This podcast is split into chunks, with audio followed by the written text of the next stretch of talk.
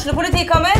Ine Jansen er purk. Er du purk? The motherfucking bitch. Alt jeg vil, er å finne ut hva som skjedde med mannen min. Jon Carew. Er jeg sikta for noe? Iben Akeli. Det er du. Ole So, Lars Berrum og Big Daddy Karsten. Hvem sin side er du på, egentlig? Anette Hoff, Tone Danielsen, Kommer du fra Afrika? Jørnis Josef, Nesten. Kløfta. Trond Espen Seim, Det er synd å si det, men det var feil mann som døde. Purk. Premiere tirsdag på TV2 Play.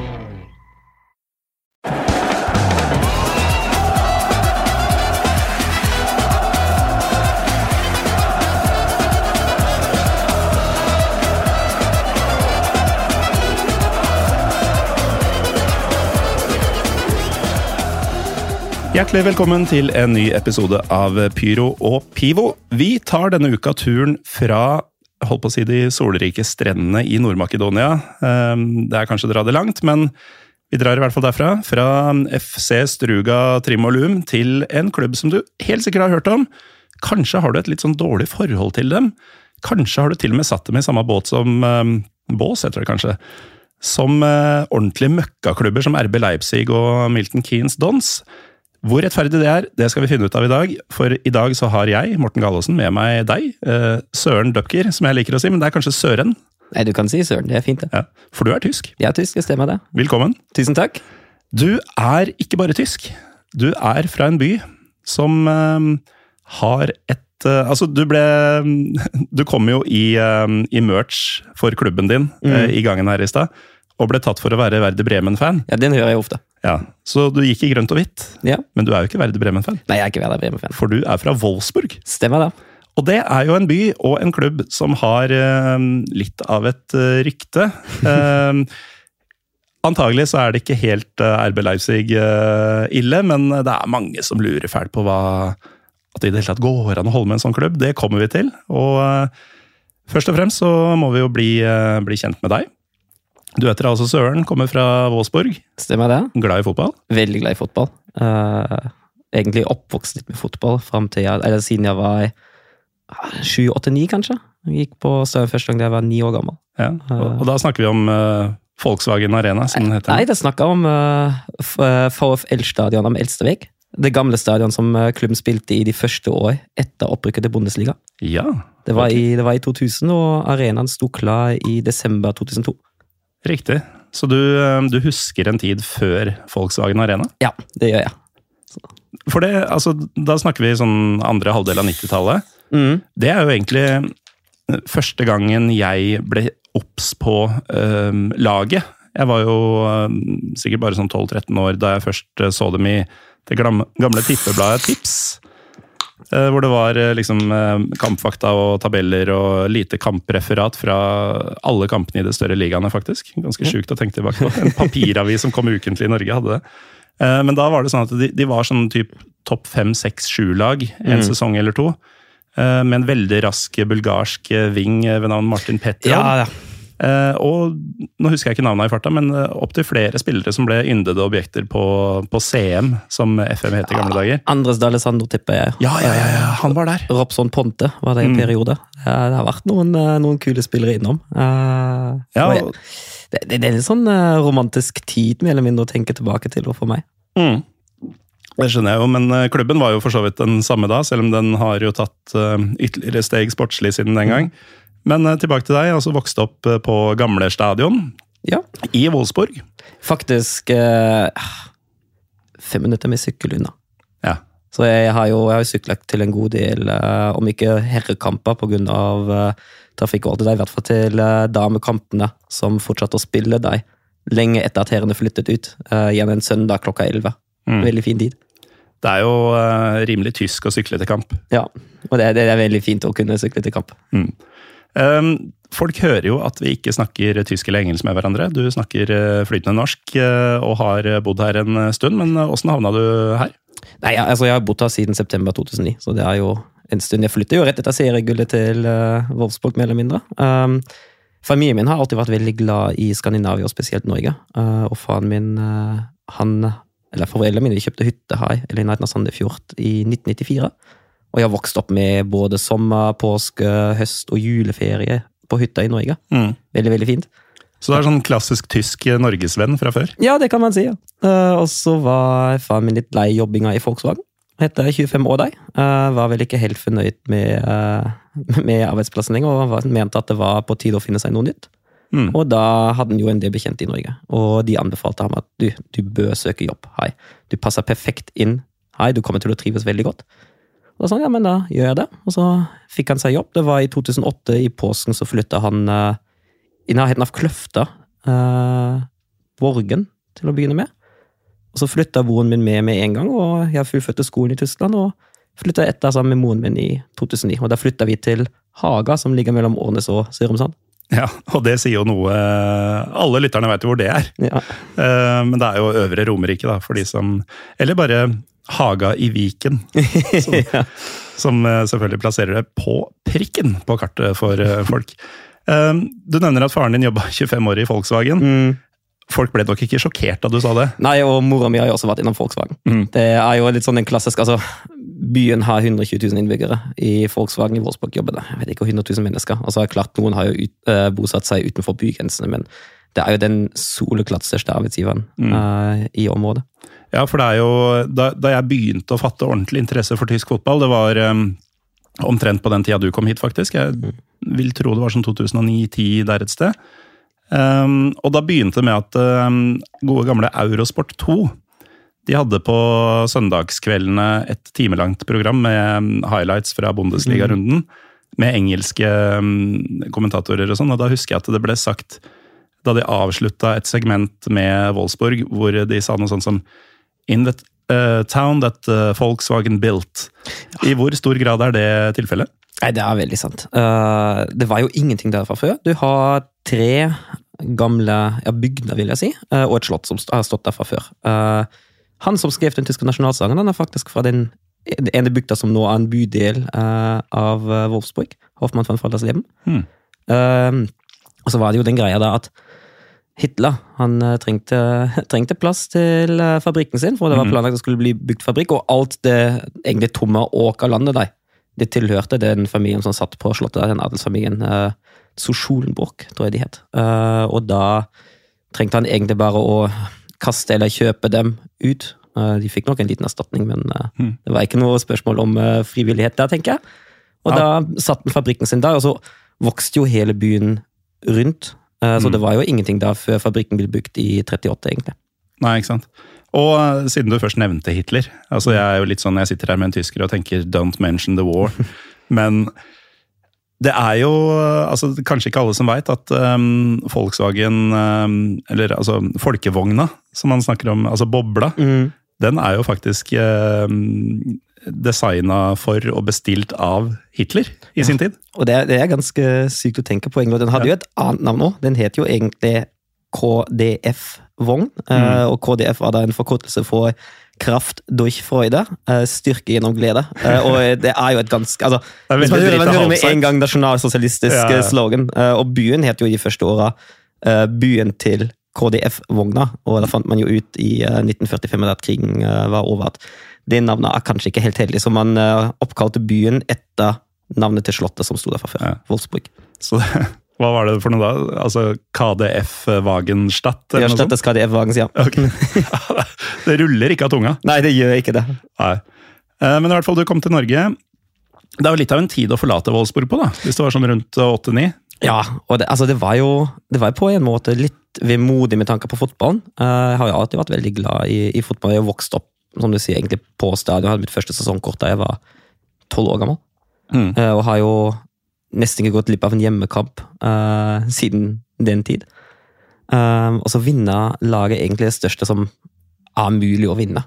Det er første gang laget vinner noe som helst i, i min levetid. og det er Og når de først vinner nå, så er det Bundesliga, for de som lurte på det. det er seriegull. Eh, og det, altså, Cupgull det er jo gøy, det òg, men seriegull er på en måte større, føler jeg. da. Eh, for det krever en helt annen konstans, en helt annen prestasjon i løpet av én sesong. Ja, og så er jo cupen standing. Den varierer jo veldig fra Mm. land til land også. I Tyskland står den ganske høyt òg. Den den. står veldig høyt i Tyskland. Men det som er felles for enhver fotballnasjon, er jo at ingenting er større enn seriegull. Ja. Uh, uavhengig av hvor stor cupen er, selv om det kan være vel så stor glede i å ta et cupgull. Det har vi eh, opplevd eh, sammen, faktisk. Ja. For eh, hvis vi bare tar ferdig introen om deg, så kom jo du til Norge, bosatte deg på Romerike. og det er vel ikke en overraskelse for lytterne at det er um, gjennom romeriksk uh, fotball at vi har møttes? Ja, det stemmer nok det. Jeg er jo blitt uh, LSK-supporter. Eh, det tok litt tid. Jeg var jo først egentlig nøytral. I hvert fall da jeg kom i 2009, da var det, handlet det egentlig mest om å få sett kamp, for jeg var så vant til å være på stadion annenhver uke, og det ville jeg gjerne fortsette med, så jeg kjøpte meg sesongkort på Åråsen. Uh, nær midtstreken. Mm. Uh, og så sa jeg egentlig tida at nei, jeg er jo egentlig ganske nøytral. Hadde ikke noe forhold til laget annet enn at det var mitt lokale lag, men uh, så ble det jo sånn at laget vokste på meg, og jeg fikk ordentlig sympati. Og så husker jeg veldig godt at det var en hjemmekamp mot Vålerenga i 2010. Tapte 1-4. Fryktelig begredelig kamp.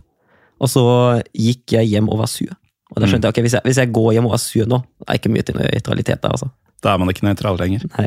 Eh, Jeg hadde egentlig fortrengt den kampen. For jeg, eh, men da du nevnte det nå, så kom jeg på at eh, jeg var også sur, men jeg dro ikke hjem. Mm. Jeg dro på Martins. Skulle sikkert ta et par øl der før jeg tok toget hjem. Og så har jeg da hørt fra vår felles bekjente, og faktisk tidligere Pyro Pivo-gjest Mykle, Ja. Arild Myklebust, som sikkert har drømt om at vi to skal lage denne podkasten sammen i et par år nå, for øvrig. Han har da fortalt meg, og når han sier det, så husker jeg for så vidt konturene av det, men eh, for de som ikke har sett meg i virkeligheten eller bilder, så er jeg over to meter høy. Og mot slutten av den kvelden så skal jeg da ha stått på bardisken, med huet gjennom en av disse du vet, sånn sponplater som, som ligger og hviler oppå noe sånn inngjerding. Um, huet gjennom der, og stått og dansa bort uh, sorgene. Sånn, si fem på, fire, nei, fem på tre om natta um, etter det tapet. Uh, hvor da ifølge Mykle, da, som helt sikkert ikke har veldig klar husk fra den kvelden sjøl, så skal vaktene egentlig bare ha stått med armene i kors noen meter unna og lurt på hva er det som foregår her. Jeg ble ikke kasta ut. Nei, det er imponerende. Ah, skulle gjerne sett det sjøl, altså. Men eh, ja, det er jo um, 13 år siden, det. Og mm. du har jo da definitivt ikke vært nøytral siden, for jeg møtte både deg og din utkårede på um, ja, langturer, og gjerne overnattingsturer. Og du tar med deg litt bredde i samme slengen. Ja, altså jeg vil jo si at jeg, jeg er jo ganske fotballnert eh, generelt. Jeg ser jo alt som er. Altså, jeg kan kose meg like mye med en uh, tiendedivisjonskamp oppe på Ekebergsletta som jeg kan med en, uh, med en Bundesliga-kamp foran uh, 50 60 70 000 tilskuere. Ja, men kan du det på ordentlig? Ja, jeg synes, Jeg kan jo egentlig Det er selve Altså, spillet som ja, altså, det er, jo, det er jo klart at altså, når du kommer til en kamp med en enorm ramme som en cupfinale, som et derby, uh, som en stor europeisk kamp, det er jo noe, det er jo noe så utrolig stort at eh, det er, jo, eh, det er jo ganske fascinerende å være deg, men jeg, jeg trives godt med en tiendedivisjonskamp også. Eh, og så har jeg jo drevet litt med fotballpodkast i tillegg. Jeg er jo fast panel i uh, fotballpodkast 90 minutter sammen med, blant, altså med, med De er blant annet også LSK-supportere. eh, Thomas Edvardsen og hele gjengen er det. Mats Granvold. Ja. Ja. ja, men den eh, må vi jo bare anbefale med en gang. Eh, som oftest litt mer mainstream eh, og mer fotball, altså sporten, Mm. eh, prega enn det Pyro Pivo er. Så et utmerket supplement til det røret jeg driver med uke ut og uke inn. Det går veldig fint an å høre på begge deler. Ja, ja det er ikke noe kannibalisering, Nei. for å si det pent. Um, ja, nei, men Du er jo en dreven podkaster, det har sikkert lytterne merka allerede. Inntil mikrofonen er du og uh, hele pakka. Men um, nok om det, Søren. Uh, Wolfsburg. Mm. Det er jo altså Jeg nevnte jo innledningsvis uh, RB Leipzig. De var jo, jeg tror det er episode sju av Pyro og Pivo. Nå nærmer vi oss uh, med stormskritt 300 episoder, men i den sjuende, uh, den heter bare Møkkalag, så hadde jeg med um, Kasper Wikestad og Eivind Bisgaard Sunde. Og vi snakka om um, MK Dons og RB Leipzig. Ja, jeg husker den episoden godt. Jeg hørte den sjøl. Og de er liksom udiskutable søppelklubber, begge to. Men så er det sånn at mange som ser på Bundesliga, liksom kategoriserer eh, Leipzig sammen med Hoffenheim, Wolfsburg og Bayer Leverkosen. Mm. Eh, kan du først ta, før vi går løs på hva distinksjonen er, og sånn, hva er fellesnevneren til disse fire? Fellesnevneren er jo at de er, altså de er jo det som gjerne blir omtalt som plastklubber. Mm. Uh, Leipzig gjør jo det på en uh, ekstraordinær måte. at De, de unngår ikke 50 pluss 1, uh, for da er Nei, for det er 100% medlemsstyrt. Ja, eh, av sju medlemmer. Mm. eh, og så har de lagt kriteriene såpass høyt at det er bare de sju og ingen andre. Og de sju er jo del av eh, Red Bull-konsernet, så altså det, det er en annen unngåelse enn det de andre tre klubber gjør. Mm. Uh, men Leverkusen, Wolfsburg og Hoffenheim er, er da de tre klubbene i, i Bundesliga som unngår 50 pluss 1 aktivt. Uh, det skjedde jo i 1999, uh, da Leverkusen benyttet seg av noe som het Lex Leverkusen. eh, som eh, den tyske fotballigaen bare lagde for dem, egentlig. Og da sa de at hvis du har en sponsor som i løpet av de siste 20 år eh, uavbrutt og betraktelig har bidratt til klubben, så har de lov å, å unngå 50 pluss 1. Og Ja. Leverkosten benyttet seg med det med Bayer. Eh, Wolfsburg eh, søkte om det i 2001 med Volkswagen eh, og fikk innvilget det, og det samme gjorde da etter hvert også Dietmar Hopp i Hoffenheim. Ja. Men da Dietmar Hoppe gjorde det i Hoffenheim, så var jo de nede i hva blir det, fjerde-femte nivå Mm, der et ja. sted. Um, vi nevnte jo at Wolfsburg ikke er den største byen.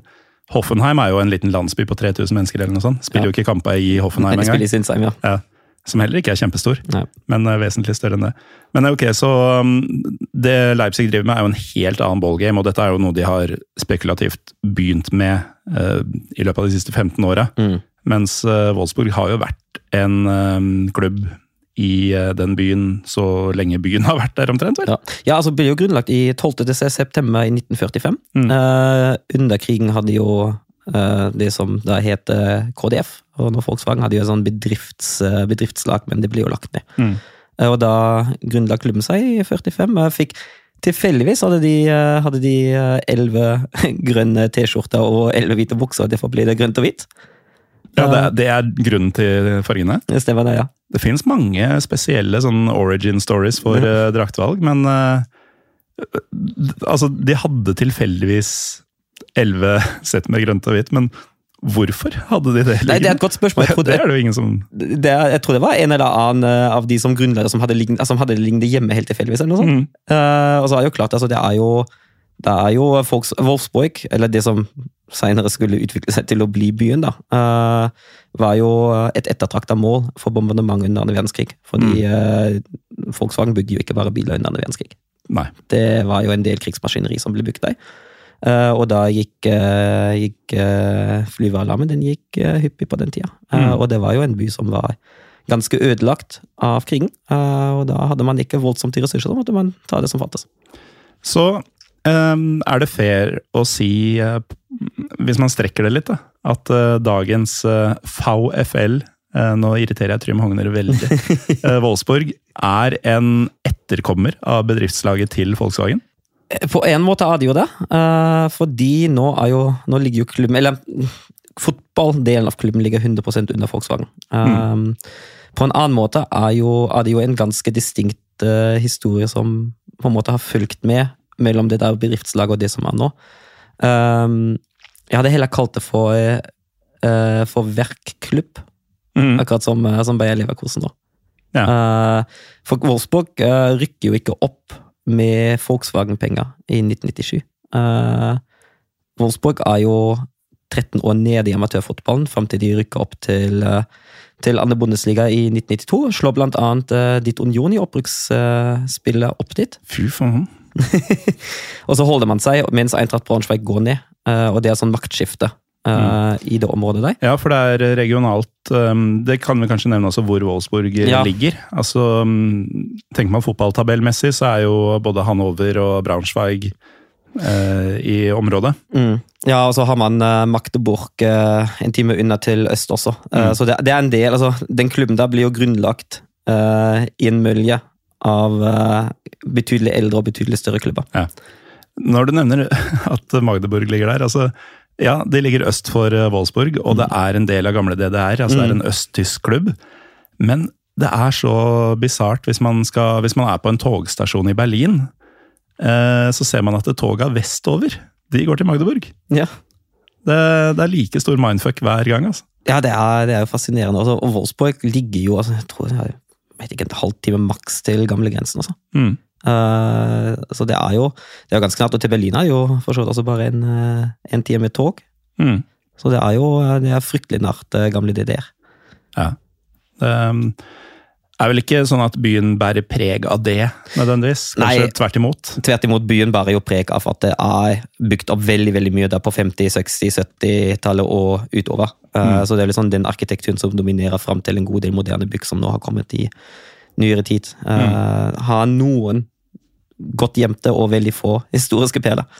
Ja. Um, Men ellers er det jo Som sagt, det var jo ingenting der uh, som man egentlig kan bruke som historiske perler.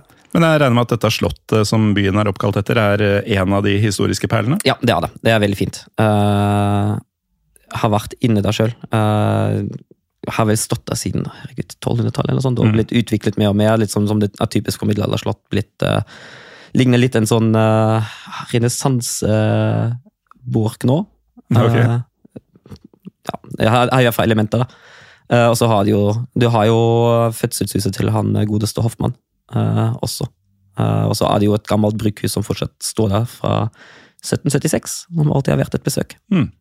Så det er noe å se i Wolfsburg annet enn stadion og fabrikken? Ja, og Autostadt, ja. ja. Uh, og så har det jo utvikla seg et, uh, et bedre fritidstilbud etter hvert men det er jo litt sånn med de moderne tingene som Feen og sånn. Uh, ligner litt sånn på Teknisk museum som eksperimenteringsgreie. du kan stå på vannski eh, rett utafor stadion eh, og alt det der. Men uh, altså, hvis man, skal, hvis man skal på en historisk tur, så er kanskje ikke Wolfsburg uh, rette sted å tilbringe med en, en dag på. Men uh, du tilbrakte jo eh, 18 år av livet ditt der. Åssen var det å vokse opp der? Altså, følte du at du mangla noe? Hadde du alt du trengte? Nei, Fram til jeg begynte å gå ut, syntes jeg egentlig jeg alt jeg trengte. Eh, for altså, som sikkert alle andre fotballinteresserte barn, sparket jeg ball på Løkka, som var en timeters gangtur unna der jeg bodde. Eh, jeg var veldig fornøyd med, med skolen jeg gikk på. Nabolaget var rolig og fredelig, og det var egentlig veldig godt å vokse opp. Men det er klart, når du, når du etter hvert har lyst til å gå ut, og så står du med kompisene dine en fredagskveld på gata klokka ti og lurer på hva du skal gjøre nå, for du har vært på de to kule barene i byen der. liksom.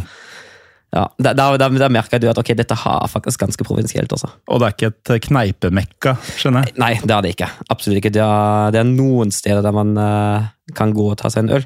Uh, nevnte Brukhuset har jo en del av Fallaslim, og så er det et godt stykke med bussen unna òg. Mm. så for, for ungdommer er ikke det så fristende. Nei. Men eh, jeg antar jo, eh, eller jeg veit jo, at du hører på Dritte Halbseit. Mm. Og da har du kanskje fått med deg, både der og i Pyro Pivo for så vidt, eh, at Runar Skrøveset har jo sine måter å definere hvorvidt en by er en fotballby eller ikke. Mm, ja. Um, kommer Wolfsburg ut uh, sånn sett? Nei, jeg syns Wolfsburg absolutt er en fotballby. Uh, du ser det egentlig når du kjører inn i byen nå, Uh, og det har jo forandret seg veldig de siste åra. Eh, veldig positivt overraska. Altså, jeg tror ikke det finnes en lyktestolpe som ikke er tapetsert med klistremerker. Eh, folk har pensla bak siden av eh, skilt på veiene i grønt og hvitt og med VFL på. Eh, på kampdag eh, det er folk som du møter i drakta eh, fra klokka 11 i byen. Det henger et permanent eh, med klubbens logo utenfor rådhuset.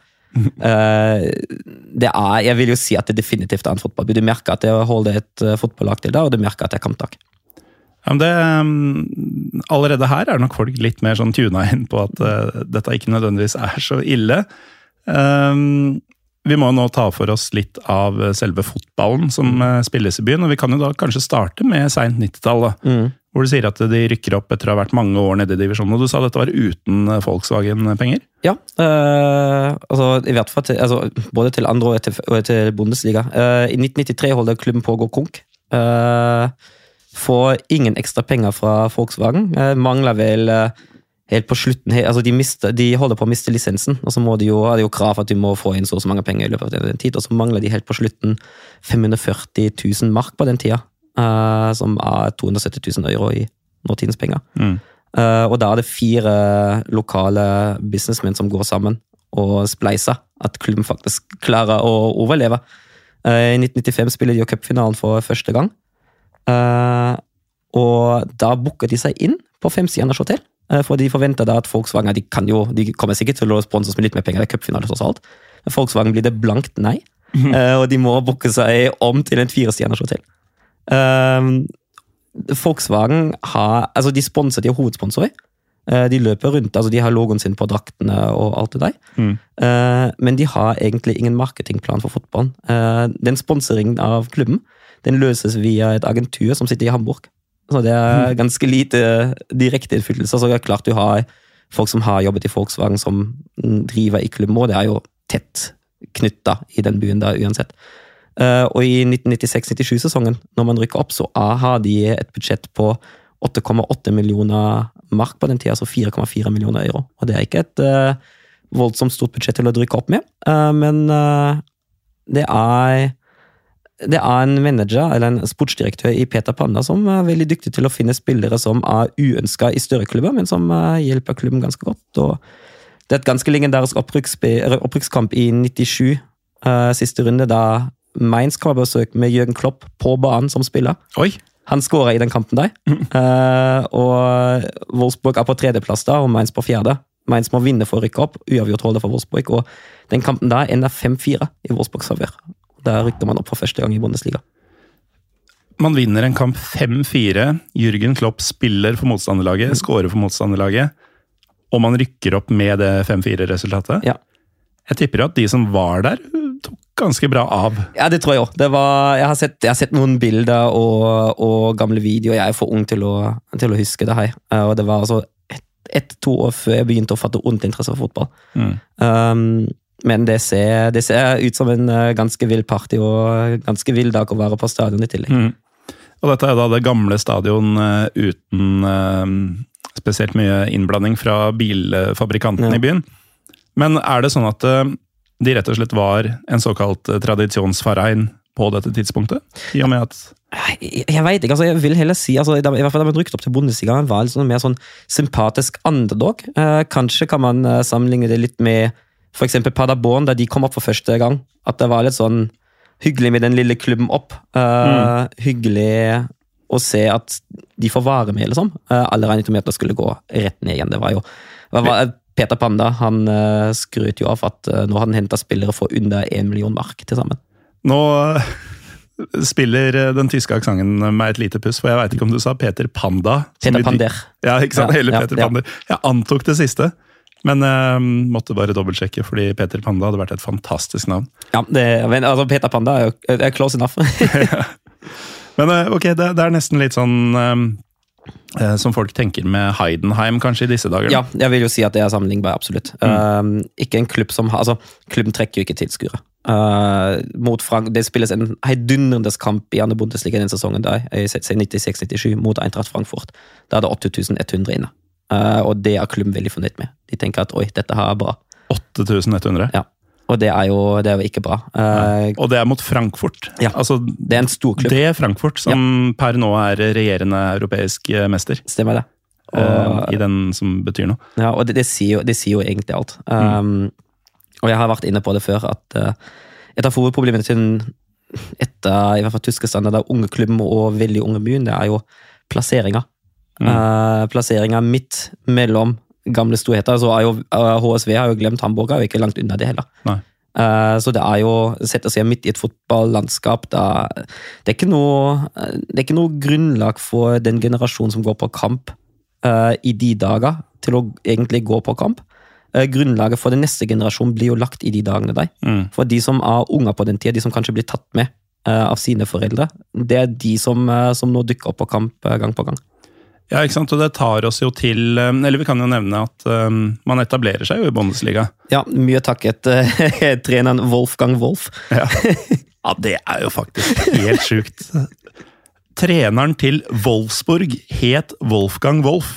Ja, det, det er helt fantastisk. Og han er fram til den dagen treneren som satt lengst i klubben, i, uh, i hvert fall i Bundesliga-tida. Han uh, satt i nesten nøyaktig fem år. Ja. Wolfgang Wolf, altså. Ja, Helt nydelig. Ja, det er, det er helt eh, fantastisk. Men man eh, blir der eh, takket være Wolf og selvfølgelig tidligere nevnte Martin Petrov. Mm.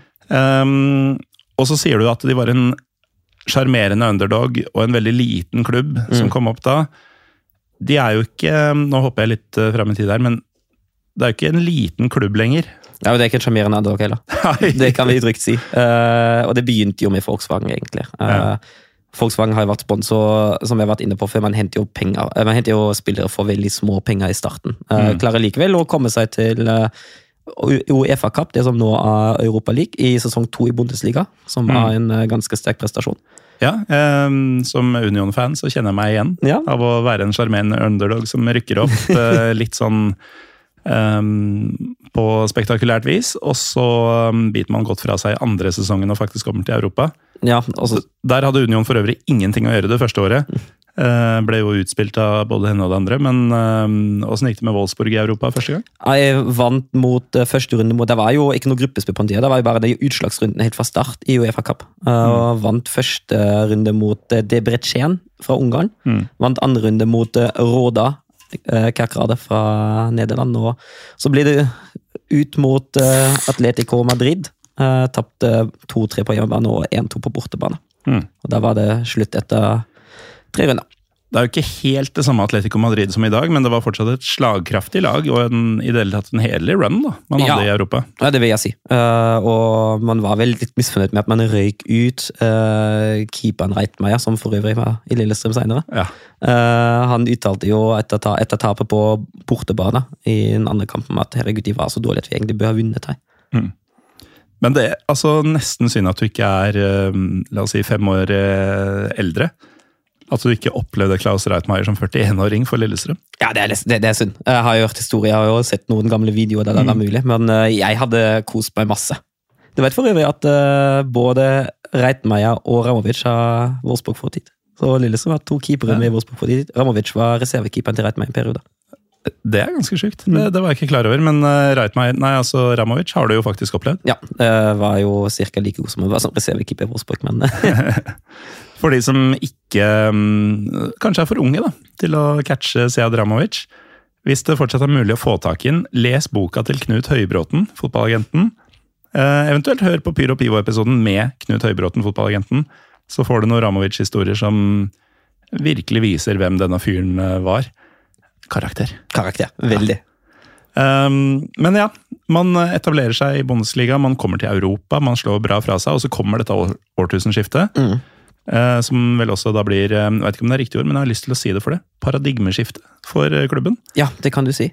Uh, på mange måter. Ja, for nå slutter det å være en sjarmerende underdog på sett og vis. Ja, uh, og det begynner jo med at Volkswagen ønsker å involvere seg mer. I 2001, som jeg nevnte, så blir jo fotball-DN tatt ut av hovedklubben og kommer inn som først 90 eh, datter til Volkswagen og etter hvert 100. Mm. Uh, samtidig godtar eh, bystyret at nå har dere lov å bygge nytt stadion.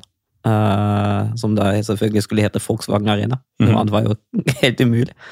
Um, og, og da skjer det jo noe i forbindelse med at stadion bygges. Uh, I 2002 uttaler daværende uh, Volkswagens styremedlem uh, Peter Hartz eh, at ja, innen 2007 så skal vi spille Champions League.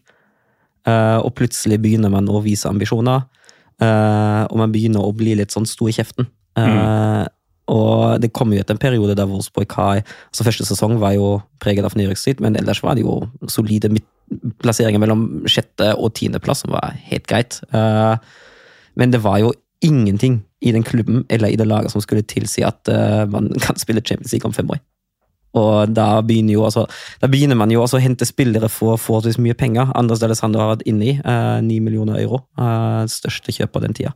Mye penger på den tida. Mye penger på den tida. Eh, og man prøver på en måte litt sånn krampaktig å komme seg opp. Eh, litt sånn uten mål og mening, ikke med en god strategi. Jeg bytter trener ofte, men eh, man bytter sportssjef forholdsvis ofte også. Eh, når man i 2005 selger Martin Petrov, som du har vært inne på, til Atletico Madrid, eh, så får man 8,5 millioner euro, som også er ganske mye. Mm. Men så gir Volkswagen beskjed til eh, Thomas Strons, som nå har blitt eh, sportssjef i Wolfsburg. Dette er da den eh, Thomas Struns som var eh, Bayern og landslags midtbanespiller på 90-tallet. Og, som jeg, hvis jeg husker riktig, er han fyren hvis kone ble stjålet av eh, Stefan Effenberg. Det stemmer det, og det er jo han som eh, den berømte talen til Trappatoni i den pressekonferansen da, Was erlaube Strons, i hvert fall letst. Det, det er han. Men han, han er blitt sportssjef selvfølgelig uten å ha noen som helst kvalifikasjon for det. Selvsagt. Det er jo som det blir. Eh, Og han, derfor, han får jo også beskjed at nei, de 8,5 millioner euro som de har fått for Petrov nå, de får de ikke lov for å reinvestere. Mm. Uh, og det, det er jo første gang egentlig siden opprykket at Wolfsburg havna i trøbbel i både 05-06 og 06-07-sesongen. Istedenfor at man kjemper om Champions League, som egentlig var målet fem år før, eh, så er det to sesonger der man med nød og neppe uh, unngår rykke ned. I 05-06 siste runde mot Keiserslautern, ligger på 15., Keiserslautern på 16., som på den tida direkte nedrykk. Det er ikke Mm. noe kvalik. Det går rett ned på 16. Eh, Det er vel ett poeng som skiller de laga. Og siste runde er i Wolfsburg mellom de to.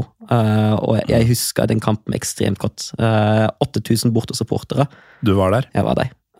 Um, spiller til slutt 2-2. Uh, Holder plassen med et nødskrik. Mm. Og så skjer nesten akkurat det samme igjen sesongen etter. Da man i nest siste runde spiller borte mot Alemania Aachen på gode, gamle tivoli.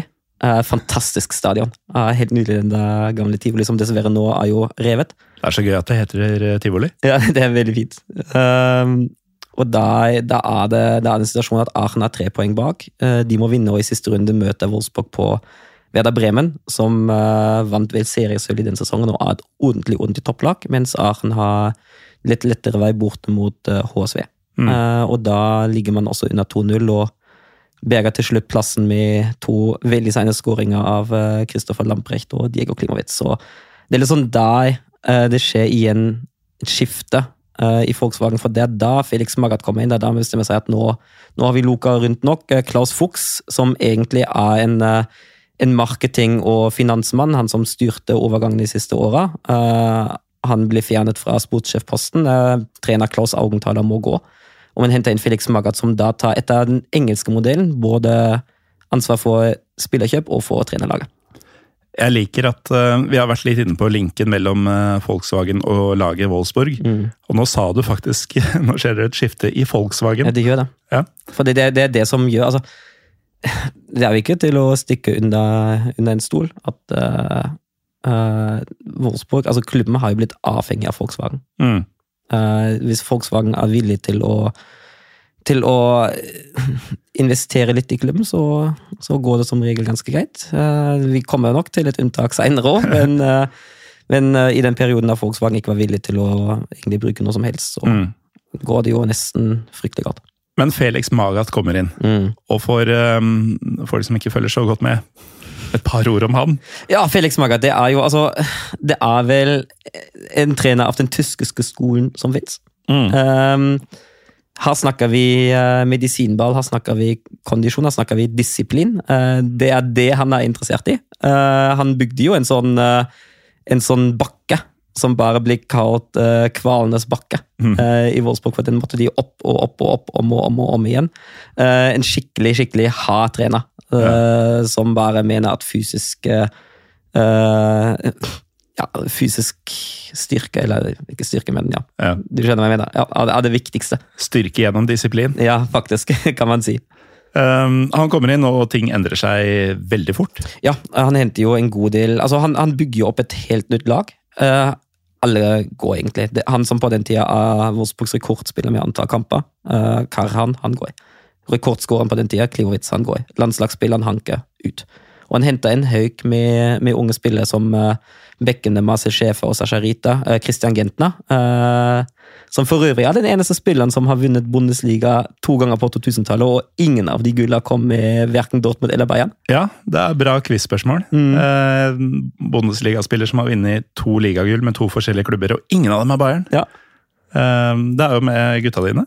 Ja. Og før det så hadde han vunnet med mm, Stuttgart. Mm. Det er jo da han egentlig Det er jo det som er hans eh, mer eller mindre moderklubb, i hvert fall på proffnivå.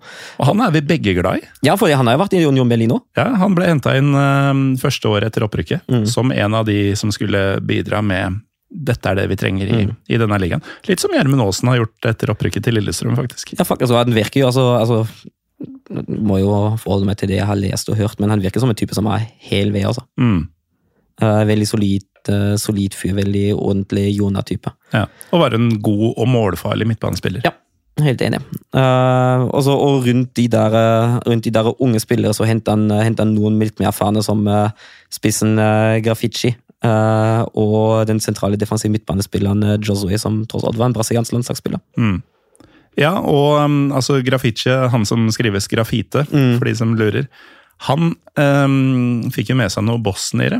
Både én og to i de, de fremre rekkene. Ja, han, eh, han får jo med seg Edin Dzeko, eh, et ungt talent som kommer fra Teplice. Eh, slår ikke helt gjennom i første året, har noen, har noen kamper og skårer noen mål. Um, uh, og så kommer ett år seinere, før 08-09-sesongen, kommer jo uh, Sviestan Misimovic uh, fra Nürnberg, som skulle erstatte gamle Marcelinho, som var playmakeren før ham. Mm. Og de kan man jo si var en uh, Dette suksessrik trio, det der. Ja, ja herregud, altså. Um, for meg som på den tida ikke visste uh, at man i anførselstegn ikke skulle like Wolfsburg. For et lag det var å se på! Ja, altså fotballmessig definitivt. Uh, På banen var det jo helt enormt. og Man, man merket ikke konturene av det i 07-08-sesongen, Magats første, da man eh, til slutt kom på femteplass. Beste plassering noensinne i Bundesliga og uh, Europaliga-kvalik. Og det er da din far bestemmer seg for at dette gidder jeg ikke lenger, jeg drar til Norge. ja, ikke sant? Så jeg vet jo at 08-09-sesongen er min siste. Jeg har jo bestemt meg, jeg òg.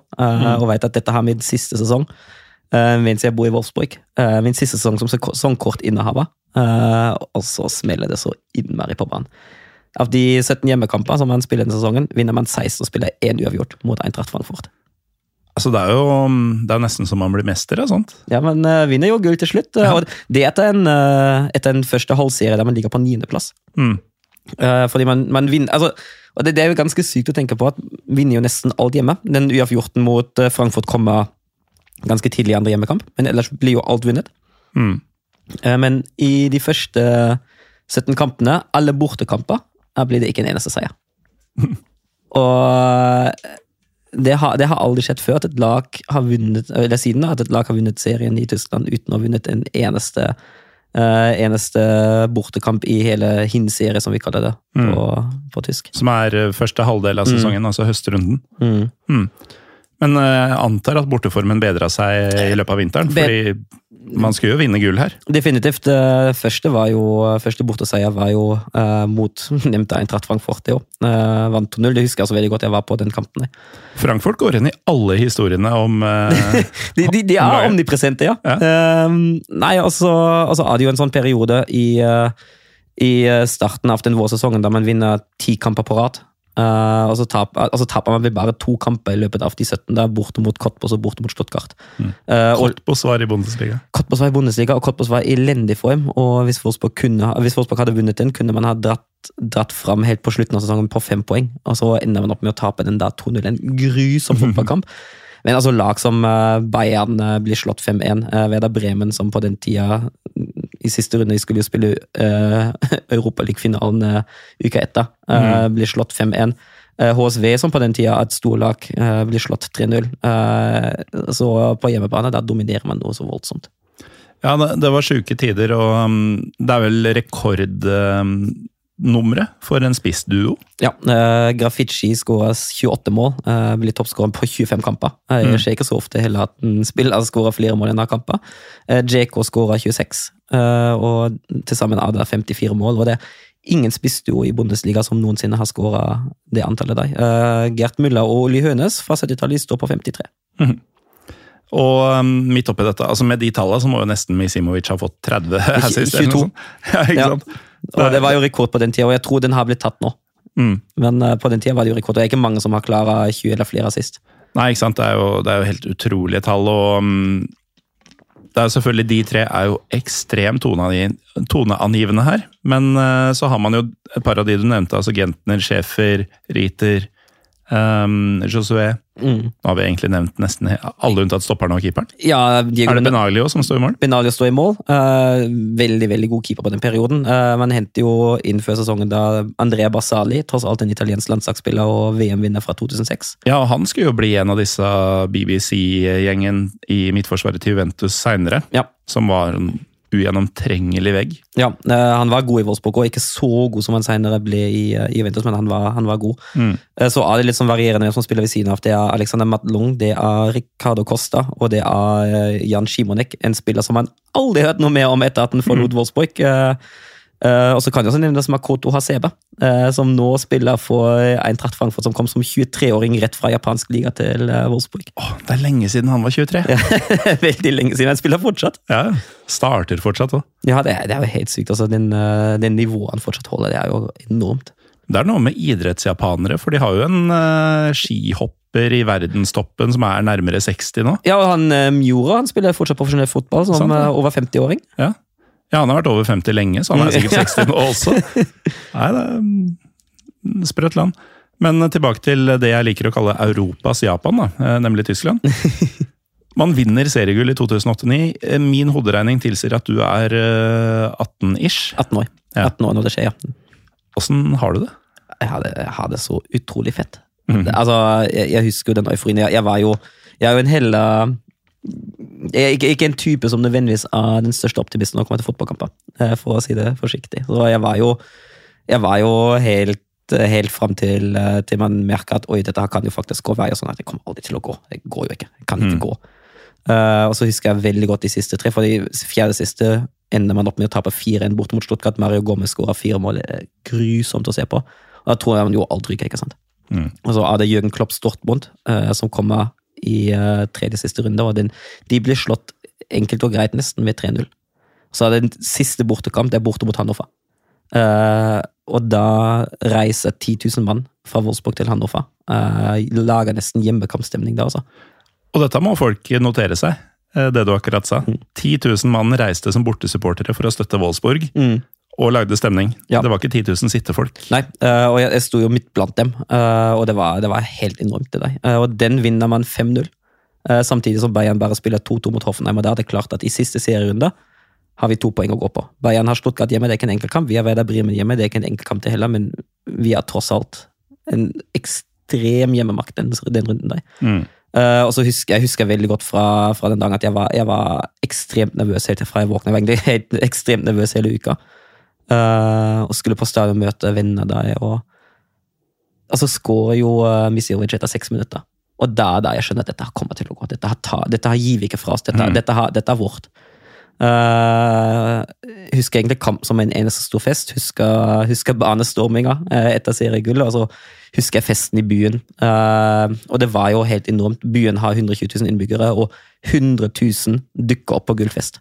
Mm. Og altså, det er nesten Det er jo alle som ikke er for gamle eller for unge, som Ja. er deg. Hele byen er deg, og det, det er helt sinnssykt. Du har sikkert sett regnestykket fra et år Island var med i VM eller EM, Mm. hvor det var sånn der, Hvordan de kom fram til hvilke 23 som skulle være med i troppen. Og da har du starta med de 300 og et eller annet tusen innbyggerne, og så trekker du fra de som er for gamle, de som er for unge, trekk fra damene. Eh, trekk fram arbeidsuføre og sånne ting, og så sitter du igjen med 23 stykker. det, er, det er nesten litt sånn eh, det oppmøtet var, på, på, um, selv om det sikkert var damer der, da, og barn. Det, det var det nok, definitivt. Men, Men, de eh, som ikke var der, var sånne som virkelig ikke kunne. Ja, eller virkelig, virkelig ikke kunne få dra fotball. Ja. Men ellers var det jo en begivenhet der man, der man måtte bare være. Men var det en, en del av deg som i dette her eh, følte på, for nå hadde det gått noen år siden denne overtagelsen fra, fra Volkswagen, eh, som kjente på det at man kanskje ikke eh, i anførselstegn fortjente det like mye som om eh, et av de mer tradisjonelle lagene hadde vunnet? Jeg vet ikke, altså jeg Eller var, var det rein sånn det var, egentlig, faen meg det, var, det var egentlig rein glede. Jeg må innrømme jeg var 18 år, eh, og på den tida var jeg jo Piggene gikk veldig ut, og jeg var ikke særlig kritisk til min egen klubb og mitt eget lag. Mm. nå i etterkant ser jeg jo den kritikken mye bedre, og forstår den også mye bedre. Eh, men på den tida hatet jeg jo egentlig alt som hadde med tradisjonelle fotballklubber å gjøre. Eh, rett og slett fordi jeg hadde så, så dårlige erfaringer. Jeg hadde vært i Dortmund eh, året før, så på bortekamp. Eh, da jeg ikke hadde gjort noe annet enn å gå med drakt og skjerf, og så kasta folk flasker og stein på meg. Kompisen min på 15 år uh, blir sparket inn i en busk uten å ha gjort noe som helst. Mm. jeg, var i, jeg var i Bremen da folk begynte bare å kaste skitt mot var, Da var jeg med barnesupporterne. Da var jeg sjøl 14 år, folk var så unge som de i 11-12-årsalderen. Uh, og så er det en eller annen dust som bare kaster skit for når man kan finne på å heie på det møkkalaget der. Og det har prega meg litt, da. Eh, Ja, de, det- de, de dårlige opplevelsene på bortebane. Uh, I tillegg at det er jo liksom den tida der internett kommer opp, og jeg begynner jo å lese på og delta aktivt også på fanforumer. ikke sant? Uh, og da hadde jo alltid et eller annet nettroll som heier på det HSV, Hertha, Dortmund eller noe sånt, da, som bare forteller oss hvor skit vi egentlig er. Mm. Eh, og det bygde opp en voldsom motreaksjon i meg. At jeg egentlig mente at uh, Og jeg er langt fra det nå, da, men uh, at det å, det å være en gammel storklubb, det er nesten et skjellsord. Ja.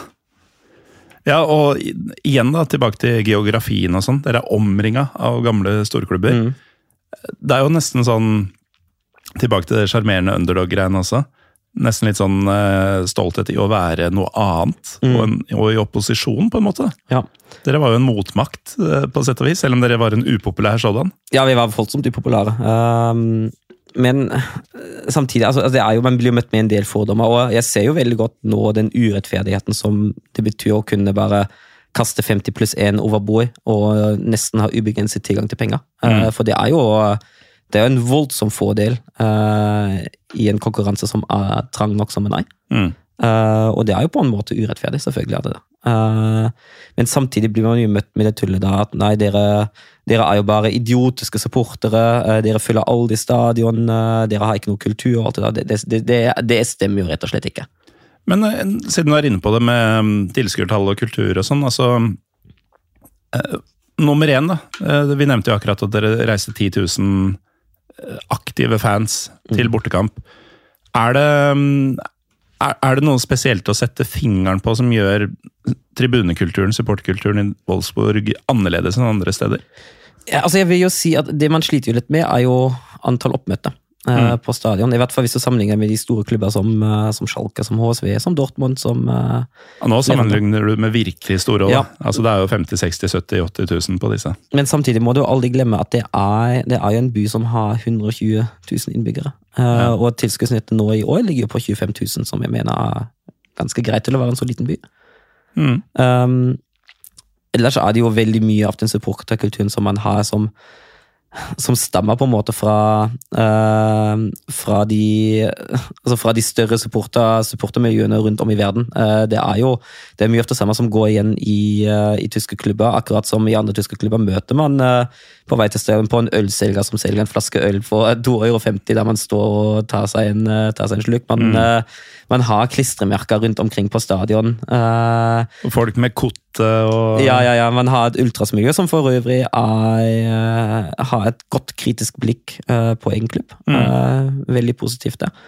Um, man har kanskje, særlig i ultrasmiljøet, en, en tendens til å være litt lei det sittende publikum. fordi det sittende publikum i Vårsborg er litt kjent for å være litt som et teaterpublikum og ekstremt kritisk. Veldig sittende. Veldig sittende. Veldig. Og det, altså hvis du ser en Vårsborg-kamp og klubben er inne i en litt dårlig periode, eh, kan du nesten forvente at hvis, det, hvis de ikke leder til pausen, eller til og med hvis de leder og spiller dårlig, at det, det blir pipekonsert. Det, er nesten- det, det, det kan man bare banne på. Eh, eh, og innimellom er det ikke helt fortjent, det heller. Um, så jeg tror ultrasmiljøet, eller generelt supportermiljøet i, i Wolfsburg, uh, uten at jeg har vært der så mye uh, de siste åra, uh, bare litt preg av at man eh, måtte bygge opp noe helt fra scratch. Mm. Uh, jeg tror folk kjenner en uh, De som er aktive da, de kjenner en ordentlig eierskap til det. Uh, og de som gleder meg, som er der med ett års mellomrom Jeg ser jo utviklinga. Jeg ser jo at det har vært en utvikling av deg. Eh, jeg ser jo en klar forskjell fra da jeg var der pre-korona i 2019, eh, til jeg var der nå. Mm. Det bare i de, løp, i de tre og et halvt åra har det skjedd voldsomt mye. Men det å bygge opp fra scratch er jo um, Det er undervurdert hvor vanskelig det er. Fordi altså Jeg leser jo, eller har lest eh, en ganske ny bok om eh, Union Berlin. eh, Som kom ut i, om det var i år eller i fjor. Scheisse, We're Going Up. Skrevet av en engelskmann, riktignok, men en med brei kunnskap. og Um, selv om dagens ultras på enhver stadion, om det er Wolfsburg eller Union eller eh, hvor han skulle være, gjerne er i 20-åra og liksom unge folk som ikke Fortiden er jo ikke en aktiv del av dem, på en måte. Men det blir så veldig tydelig um, i den boka um, spesifikt, og nå gjelder ikke det bare Union, men at uh, uansett om du er 18, 22 eller 70 år gammel, så tufter du veldig mye på hva som har vært tidligere. Uansett om du, om du opplevde det eller ikke. Og um, Når det da ikke har vært den type kultur altså Du nevnte jo at eh, mot Frankfurt på 90-tallet så var klubben fornøyd med 8000 frammøtte. Mm. Du skjønner jo at det, det har ikke vært kokende tider på 70-80-tallet da. Nei. Mens eh, man da i andre klubber har, uansett hvor dårlig man har vært sportslig, så har man liksom hatt um, historier å fortelle som har vært delt av mange, Mm. og så videre. Og det, det fester seg, og det merker vi også i Lillestrøm, ikke sant? Ja, selvfølgelig. Du og jeg er jo glødende Tom Lund-fans. Ja, Vi har aldri sett den spille. Jeg har ikke sett den i levende live engang. Jeg vet, jeg, nesten så jeg ikke hadde kjent den på gata, liksom. Ja. Jeg hadde jo det, men uh, nesten. Ja, Jeg skjønner hva du mener. ja. Mm. Men den, og den kulturen, tror jeg, den bygges jo nå. Uh, opprykket. Mm. Uh, de første europakampene. Seriegullet. Uh, Senere også cupgullet i 2015. Uh, de navnene som tross alt har vært innom klubben. Eh, det opp og ned som klubben har opplevd i sine nå 26 år i Bundesliga. Uh, har jo aldri rykka ned, men har vært eh, fryktelig nære en god del ganger. Ja. Uh, det er sånn, det er sånn der man, man begynner nå. Alt det som klubber, eldre klubber som, som Schalke, som Dortmund, har hatt siden egentlig alltid. Alt det begynner nå å, å synke inn uh, i den allmenne Wolfsburg-supporteren. Og jeg, jeg mener jo også at man sliter med, man sliter med antall. Altså på, på bortetabellen, antall frammøtte av Wolfsburg på nest siste plass, Uh, slår bare Hoffenheim. Uh, I snitt er det 900 mann og damer som drar på bortekamp. Mm. Men de som er der, de er, de er bra. De står for innsats. Uh, Jeg vet ikke om du så den cupkampen mot ditt kjære Union? Ehm, jeg så den nok, men hva er det du sikter til? Nei, da var det jo Altså, da var jo borte, bortefeltet var jo utsolgt. Eh, og det var jo en oppvisning av, uh, av pyro, av banner, av flakk, av egentlig supporterkultur uh, fra Wolfsburg-supporterne. Mm.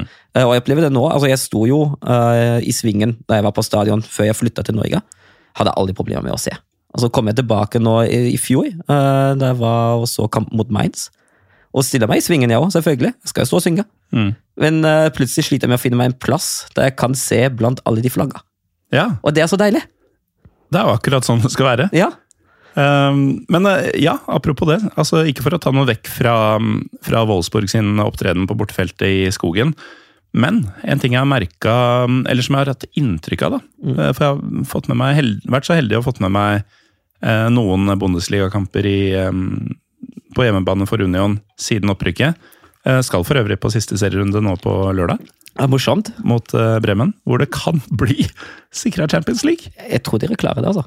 Altså det, alt handler om å ikke få et dårligere resultat hjemme mot Verde Bremen, som er ferdigspilt, um, enn Freiburg får borte mot Eintracht eh, Frankfurt. Ja, og de er jo ikke helt ferdigspilt ennå. Uh, hvis, uh, hvis Wolfsburg, uh, eller for den saks skyld Leverkosen, driter seg ordentlig ut, så kan det fortsatt klatres på tabellen til europaplass. Ja, det kan det. Så uff, nei, nå Men eh, jo, eh, det jeg skulle si var at eh, det er jo Altså, Union er jo et nytt og eksotisk innslag for mange av klubbene fortsatt. Og var det spesielt i de første to åra. Men jeg har et inntrykk av at de som drar som bortefans dit, de skal virkelig vise seg fram. Mm. Fordi det er sånn Ja. Dette er upløyd mark. Ja, det, jeg tror du er helt rett i det. Mm. Definitivt. Uh, Så man blir bortskjemt, da. Så jeg, når jeg er der, så er jeg stort sett på langsida og får utsikt over begge kurvene. Og det er, det er ordentlige prestasjoner i den bortekroken hver eneste gang. ja, det, det er jo gøy. Det er fryktelig morsomt å, å ha det sånn og oppleve det sånn på kamp. Ja. Um, men tilbake til ditt lag. Eh, Det kommer jo et tiår etter dette gullet, og du nevnte jo man har vært nære på eh, nedrykk. altså Man opplever jo opp- og nedturer i cupgullet i 2015. Men det var jo en gang her hvor um, Volkswagen fikk seg en smell. Og det merktes på fotballen. Det merkes på fotball, det merkes på byen. Eh, nå, det, det er jo den dieselskandalen som da kommer på høsten 2015. Uh, og det skjer jo, altså det kommer de meldingene da, og det kommer meldingene om at nei, nå kan det hende at Volkswagen må betale, betale voldsomt straff. Og det går ikke lang tid, jeg lurer på om det er snakk om noen dager. altså. Uh, så kommer det pressemelding fra byen Wolfsburg at nå fryser budsjettet vårt. Mm. Uh, byggeprosjektet og alt det der som vi har pågående, det er greit, de må jo fullføre det er betalt, ikke sant? Men ellers vi, vi starter ingen nye prosjekter i det hele tatt. Og det skyldes jo rett og slett at Wolfsburg, eller Volkswagen er jo den med god margin største skattebetaleren til Wolfsburg by. Når man snakker om eh, i norsk sammenheng, så er det sånn en hjørnesteinsbedrift i landsbyen i Nord-Norge, liksom. Som sysselsetter 5000 av de 20 000 som bor der. Dette sier litt da, om en by med over 100 000 innbyggere. Ja, At uh, kommunen bare sier stopp til alt fordi den ene arbeidsgiveren, den ene, det ene konsernet med hovedsett her, de er i trøbbel. Ja, det er jo altså den byen der, eh, den står og faller med Volkswagen. Mm. Det har vært en symbiose mellom bedriften Volkswagen og byen Wolfsburg helt siden byen har eksistert. Og ikke minst eh, klubben. Fotballaget. Eh, For det Fordi her meldes det jo at eh, nå skal de kutte investeringene i laget. Ja, eh, og det er jo i en tid da man har henta spillere som eh, Kevin De Brøne, eh, som Louis Gustavo, eh, Dante, eh, André Schürle. Faen, for en gjeng! Få en gjeng. Eh, Blir jo cupgull og seriesølv, eh, bare slått av eh, Pep Guardiolas eh, Bayern München. eh, Som blant annet slår 4-1 på hjemmebane. eh, I, i 14-15-sesongen, sesongen med cupgull og seriesølv. Eh, Men man finner ut av at dette her kan vi ikke gjøre nå lenger. Eh, Så det er slutt på de superdyre spillene. Eh, Og det som blir jo litt problematisk der, eh, som også er en sånn greie med, med Wolfsburg, i hvert fall under Volkswagen-tida, at man henta middelmådige spillere. Uh, Jonas Mali eh, er en av de. Uh, Man trodde riktignok han var bedre enn han skulle ja, det, det, det er noe med det. Jay Brooks kan nevnes, Ja. som man også trodde var mye bedre. Uh, Divok Orishi, riktignok bare på utlån, men fortsatt. Litt sånn den kategorien. Og gi dem voldsomt med lønn. De koster ikke all verdens i overgangssummer. Det er litt sånn middelklasse. Ikke lenger den, eh, man henter ikke lenger spillere fra fra Chelsea eller fra Schalke, som på den tida fortsatt er et topplag, men man henter spillere fra, fra Mainz. Mm. Men man må kanskje også betale mer der Ja. enn en i større byer og håper å si kulere steder å bo. Ja. Det er bare å se på ekteparet Krose, Ja. som eh, Ja. Ja, det, det, det er jo, det er jo så, De kommer ikke for nattelivet. Nei, de gjør nok ikke det. De kommer av at de får gode penger, og at Berlin ikke er langt unna. Mm. Um, nei, men man betaler, jo, man betaler jo godt, og det går jo, det går jo voldsomt dårlig uh, i to år på rad. Man spiller jo kvalik, nedrykkskvalik to år på rad. Mm. Eh, første mot uh, naboen Eintracht Braunschweig. Jeg har aldri vært så nervøs for en fotballkamp før. Uh, Jeg tenker å gå ned mot dem. vet du hva, Jeg hadde heller gått ned som klink sisteplass og slått Tasmanias, eh, Tasmania Berlins dårlige poengrekord enn å tape den der. Uh, Men apropos det, altså mm, Forholdet til Eintracht eh, Braunschweig er betent. Men hvordan har du det med at eh, Anthony Uja spiller der og gjør det bra for dem? voldsomt vanskelig for meg, fordi jeg unntar Anthony Oja personlig alt godt. Han er jo en herlig type, og en, eh, en fyr jeg alltid kommer til å ønske suksess. Mm. Men helst i en annen klubb, da. Altså, For min del kan vinne, kan vinne toppskårerprisen gjennom Bundesliga og hele rykke ned. Det, det er litt sånn sånn jeg føler det med ham, da. Ikke sant? Fordi klubben da ønsker jeg ikke noe godt i det hele tatt. Jeg husker at uh, i den perioden da andre lag gjorde det veldig bra, spilte, på, spilte i regionalliga på den tida tredje nivå. Eh, og så var, var to kompiser vi var på bortekamp med andre laget i Braunschweig, som tilfeldigvis også spilte på det nivået der. Uh, og så skulle vi gå uh, fra stadion, og da fikk vi beskjed fra politimannen at dere må ta av dere alt som har som har Wolfsburg-utstyr. Dere er tre unge gutter, vi var jo i tenårene alle sammen. Hvis ikke dere gjør det her nå, blir dere banka opp. Og det er litt sånn, det er sånn det er sånn, sånn ja, så, det, det Mm. beskriver forholdet mellom Braunschweig og Wolfsburg ganske godt. Altså, det var en periode da, da biler med Wolfsburg-stickers eh, bakpå eh, fikk knust eh, alle rutene sine i, hvis de parkerte på feil sted i byen. og ja, Jeg har vært på Niedersachsen-derby i Hannover, mellom dem og Braunschweig. mm, Det var i Sveiterbundesliga, men det politioppbudet gjennom hele Hannover by Og likevel så fantes det videoer av at totalt svartkledde Braunschweig-fans hadde prøvd å ta seg inn på hjemmetribunen og greier. Det er, det er hardt i det området, altså. ja, de, de er ganske, altså Braunschweig er ganske gærne. Mm. Uh, I hvert fall som mitt inntrykk er. Uh, da er det, da er det mye, mye grums. Ja. Men uh, det var kvalikkampen, og det gikk jo bra. Vant begge 1-0. eh, og det, det, det var jo så nydelig at Mario Gommes han skåret på et straffespark i hjemmekampen på Volkswagen Arena. Så var det bortekamp, og da sang jo Braunschweig-supportere hele tida at Mario Gommes er en horesønn. Mm. Eh, altså vinner Go to skjellsordet i Tyskland. Yes, veldig. Uh, og så vinner man jo den 1-0 òg. Uh, Vierinja som uh, skårer det avgjørende der. Uh, Bortemålsreglene vet jo at det er ferdig. Og så er det noen supportere som fikk lov å være med på lagbussen fra vei til Braunschweig til Wolfsburg. Og der har det kommet en video på YouTube, og der sto Mario Gomez i midtgangen med en øl i hånda og synger av full hals. Mario Gomez er en horesønn. Det er så nydelig. Å, jeg elsker det. Det er helt fantastisk. Det enten så disser han jo mora si, eller så er det bare herlig sånn uh... Ja, Han viser jo egentlig bare at det som de slang mot ham, affekterer ham ikke i det hele tatt. Nei, nettopp. Uh, men man klarte seg begge de åra, og så har det jo vært eh, en mer eller mindre sammenhengende Riktignok mer sånn steg for steg-aktig, da. eh, opptur siden. Ja, den- eh, det er en ok sportslig situasjon de siste par åra. Ja, Forrige sesong var jo dårlig, riktignok dårlig. Det skyldes jo dårlige ansettelser på trenerfronten. eh, med både Mark van Bommel og Florian Kårfeldt, som eh, jeg mener begge to var svake ansettelser som man ikke bør ha gjort. Eh, Oliver Glasner leder laget til Champions League for tredje gang for en forsvinner til eh, Eintracht Frankfurt. Eh, og man har etablert seg mer eller mindre på øvre halvdel etter de fryktelige kvalikåra, eh, med det ene unntaket som sagt forrige sesong. og nå er det også en annen vei man ønsker å gå. Man ønsker nå å signere heller unge spillere. Man ønsker å signere spillere som ønsker å være der. Eh, Et problem som man møtte jo i de årene da man splæsja ut penger for Dagslo og Skjule. At man etter hvert fant ut at nei, men Dagslo og Skjule de har jo egentlig ikke lyst til å være her. Eh, De spiller jo her for penger, eh, i beste Max Krose-stil. Ja. Men- Beste eksempelet. ja, men de, de ønsker jo strengt tatt egentlig ikke å være her. Dagslo sjøl har vel, ta, har vel uttalt at det beste med Wolfsburg er nærheten til Berlin, og det sier jo alt. Og nå henter man heller unge spillere som mener at Wolfsburg er et steg framover på karrierestigen, eh, og som man da heller selger dyre etter to-tre år igjen. Hvordan ser du på framtida nå? Det virker jo å være på rett vei. Det, det er på rett vei. Ikke helt fornøyd med, med å ha Niko Kovac som, uh, som trener. Jeg mener at han har et klart tak, og det taket er sånn cirka der man ligger nå, eh, på syvendeplass. Jeg, jeg mener at han er en ganske middelmådig Bundesliga-trener, egentlig. Uh, jeg ønsker Dette er samme Niko Kovac som trente Bayern, bare så du vet det. Ja, han gjorde det ikke så voldsomt bra der heller. Nei da. Han lever veldig på det cupgullet han vant med Eintracht Frankfurt, egentlig. Mm. Um, og så altså savner jeg det, det jeg virkelig savner av en klar strategi fra klubben, at vi ønsker å hente ungt, og det er fint, det. Jeg er helt med på det. Jeg syns det er riktig vei å gå at man heller henter en uh, Mikki van de Ven, en, uh, en Max Hans Lacroix, en uh, Ridle Bako, som ikke koster mye penger, men uh, som på en måte må finne. At man jobber med, med speiding, at man jobber litt på den fronten, da, istedenfor at man splæsjer ut masse penger. Mm. Uh, jeg syns det er helt riktig vei å gå, men jeg savna litt sånn at Altså, man hadde Oliver Glasner. Gegenpressing.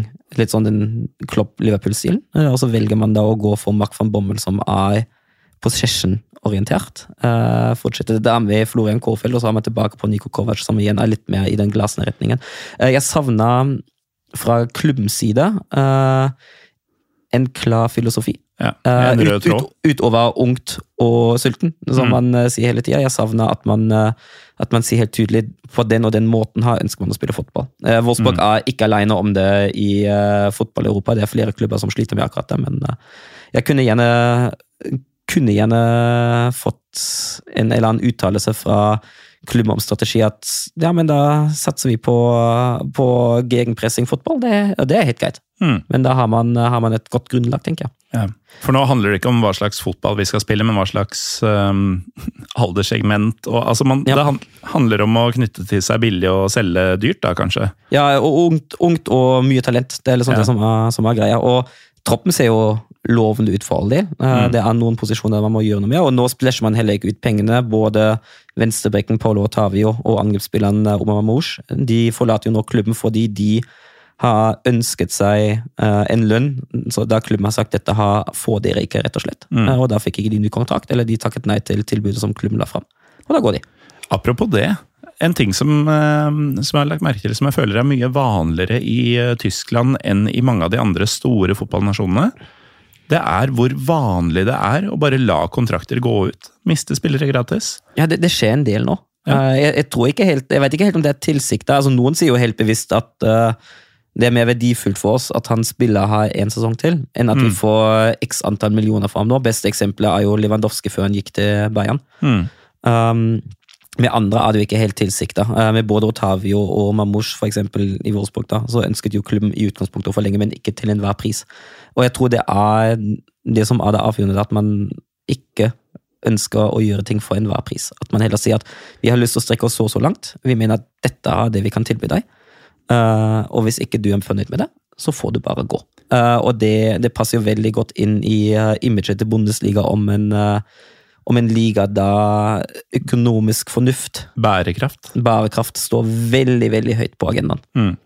Ja, så Jeg har jo tidligere sammenligna Bundesliga eh, Holdt på å si eh, Organisasjonsmessig er feil ord, men når du har kamp, altså kampopplevelsen og måten å, å gjennomføre dette for, eh, på for publikum, ligner veldig på amerikanske idretter. Hvor det er veldig tilrettelagt for at publikum skal kunne komme tidlig, få tilgang til alt de trenger på en enkel måte. Eh, arrangement er vel egentlig ordet jeg så etter. Ja. Eh, den ligner veldig på amerikanske idretter, som jo er en pengemaskin. Eh, og det er liksom så enkle ting som at det er én sånn main gate hvor alle går gjennom, hvor billettsystemet og alt sånn funker helt perfekt. Du må ikke drive og gå rundt eh, flere kilometer for å finne din inngang. Og så innafor der så er det liksom indre sjekkpunkter for å sjekke at du har riktig billett til akkurat der du er, da. men imellom så har du alt du finner av fasiliteter. Du, kan, du har tilgang til absolutt alt. Du kan gå en runde der hvis du vil. Um, litt på samme måte så føler jeg at det er en link til eh, amerikanske idretter eh, som har dette free agency hver off-season, som det heter i USA. Som eh, spillere som bare rett og slett er ute av kontrakt, kan signeres av andre, og du veit hva de koster i, i drift og sånn. Det er det inntrykket jeg sitter med, for det er så utrolig påfallende hvor mange spillere som bare blir gratis til sommeren. Som du skulle tro at du har i hvert fall ikke mm, Det er ikke sånn at du ikke har fått tilbudet, men klubben virker også som de bare sånn Ok, men da blei det ikke det, da.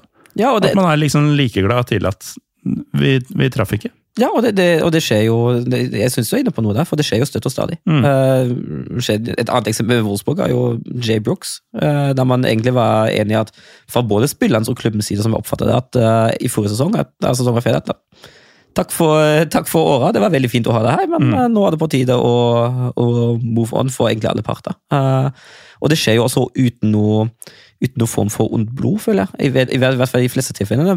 Guerrero i Dortmund nå, han har fått tilbud om ny kontrakt. Man var usikker på om han ville gi ham ny kontrakt, men han har vært såpass god at uh, Dortmund sier at jo da, ny kontrakt, uh, det tilbyr vi, men uh, Guerrero er fortsatt usikker på om han uh, takker ja til det. Mm. Og da kan det hende at de skyldes de òg. Ja. Og det, det, er, det er en del av gamet i Bundesliga, fordi man, man er heller ikke villig til å strekke seg altfor langt for en spiller. Eh, Alaba i Bayern er jo et annet eksempel. at Han gikk jo til Real fordi han krevde veldig veldig mye lønn, og Bayern sa nei, dette har- er vi ikke med på. Ja.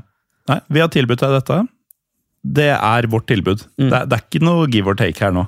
Nei, altså De forhandler jo på et tidspunkt, men, på, men når klubben sier at dette er siste, så er det et ultimatum. Eh, med Mokoko for eksempel fungerte det jo. Uh, han forhandler jo også veldig lenge om ny kontrakt, og da sa jo sportssjefen i Dortmund Sebastian Kehl på et tidspunkt at nå er det slutt, nå må du bestemme deg innen den og den dagen. Dette er vårt tilbud. Hvis ikke du bestemmer deg, så går du. Og da sa han ja. Sånn funker det. Um, vi har vært litt inne på hva du tenker om framtida sportslig, men uh, kanskje mer interessant for våre lyttere. Hva tror du om uh, kulturen i Wolfsburg uh, framover? Jeg tror det kommer til å utvikle seg mer. Det er fortsatt en ung klubb. Uh, og jeg håper at dette ikke er slutten, for det er fortsatt, eh, det er fortsatt en del å gå på. Eh, jeg drømmer jo om altså jeg var, jeg var jo så kampen mot Hoffenheim siste hjemmekamp nå, før runden. Wolfsburg-Hoffenheim. Mm, en drøm for Puro Pivo-lytterne. Fy faen. og der var det 22 000 på stadionet. Det er jo skuffende. Uh, og det ene er jo altså, Det som gir jo et dårlig rykte uh, for Wolfsburg, også, er jo de der europakveldene når man spiller i Europa. Og så er det 10 000-15 000 der. Uh, det har jo den naturlige forklaringen at en europakamp som starta i 7-8-9-tida, det rammer faktisk to av skiftene i Volkswagen. Det rammer både sideskift og nattskift. Eh, Og da er det veldig mange som rett og slett ikke har muligheten. Eh, Så akkurat den får man litt ufortjent mye tun for, syns jeg. Eh, Men ellers er jeg jo enig i at Saleh eh, på bortebane eh, hadde vært veldig fint å få flere folk til å bli reisende. Eh, Jeg synes det, som sagt, eh, De som reiser, jeg synes det legges en veldig god innsats fra dem. Eh, Kampen nå mot Freiburg var en veldig veldig god oppvisning fra bortefeltet, syns jeg. Og det var jo en langtur, og til tross for at det var en langtur for det var siste bortekamp, så kom det, kom det Zondatsuk mm. og hele pakka, og da var det vel 1400 som reiste, og det er jo et fint tall på en fredagskveld. Ja. Um, tross alt langhelg, da, men fortsatt. Um, men det, det, ønsker jeg meg at det er flere som, uh, som fatter interesse for den aktive supporterkulturen. Det er flere som, uh, som blir med mer. Uh, det er flere som kanskje forlater sitteplassen sin og heller finner seg en plass blant de som står. Selv om det til tider er vanskelig å få seg ståplass, i hvert fall i den midterste klekken, for all del. De, det slår meg mot Hoffenheim, i hvert fall da jeg kjøpte billett kjøpte billett ganske tidlig, var den ene ståseksjonen var allerede utsolgt. Og det er jo et godt tegn. Mm. Um, men jeg ønsker meg et større aktivt uh, supportermiljø i Wolfsburg. Helt til slutt, uh, Søren. Du er jo blitt sesongkortholder i norsk fotball. Mm. Hva er det du savner mest uh, fra samme situasjon i Tyskland? Det, det jeg savner mest, er vel egentlig kvaliteten på banen. Ja. Uh, hvis jeg har lov for å si det. Uh, det, det, er, ikke pivoen på tribunen? Ja, det òg. Men, altså, men der igjen, da. Uh, jeg dro fra Tyskland da jeg var 18. Mm.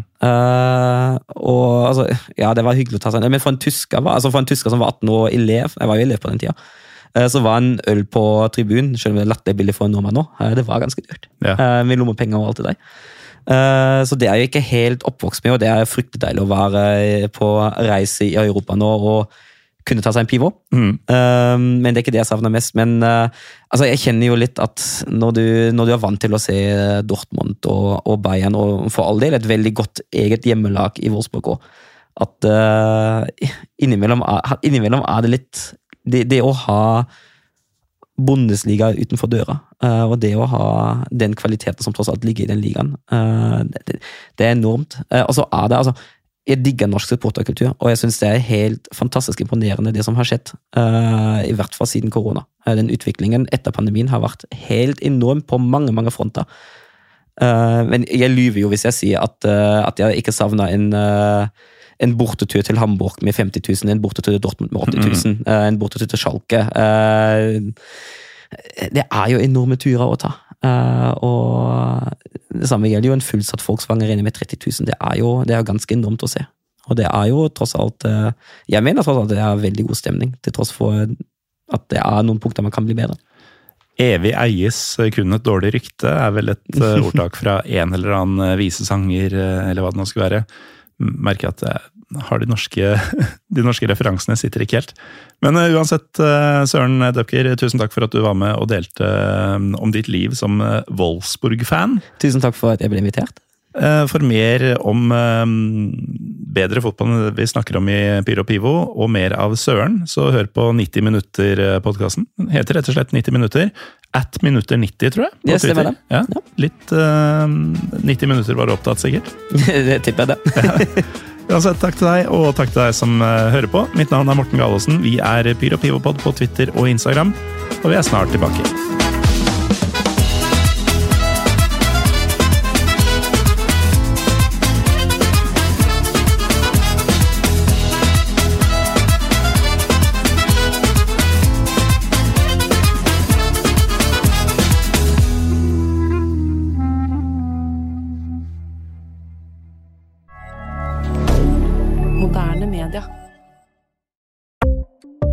Ukens annonsør er HelloFresh.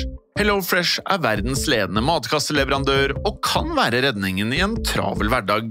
Mange av oss har nok vandret i butikken både sultne og uten en plan for middagen, som ender med at vi går for de samme kjedelige rettene gang på gang.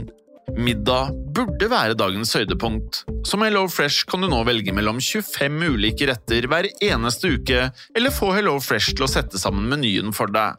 Dette gir deg muligheten til å prøve nye og spennende retter alene eller sammen med familien. Du velger antall porsjoner og får alt levert på døren på et tidspunkt som passer for deg. Oppskriftene er enkle, og maten er lett å lage både for store og for små. Ved å få alt levert hjem får du også mer tid til å dele matgleden med familie og venner. Kanskje det frister med asiatiske tacos eller greskinspirert kylling? Da kan jeg anbefale deg om å gå inn på hellofresh.no. Her kan du bruke koden FOTBALL og få opptil 1779 kroner i rabatt på de første fem matkastene hvis du ikke har prøvd Hello Fresh tidligere. Du kan også bruke rabatten hvis du har vært kunde og stoppet abonnementet ditt for tolv måneder siden eller lengre. Gå inn på hellofresh.no og bruk koden FOTBALL. Har du et enkeltpersonforetak eller en liten bedrift? Da er du sikkert lei av å høre meg snakke om hvor enkelt det er med kvitteringer og bilag i fiken, så vi eh, gir oss her, vi.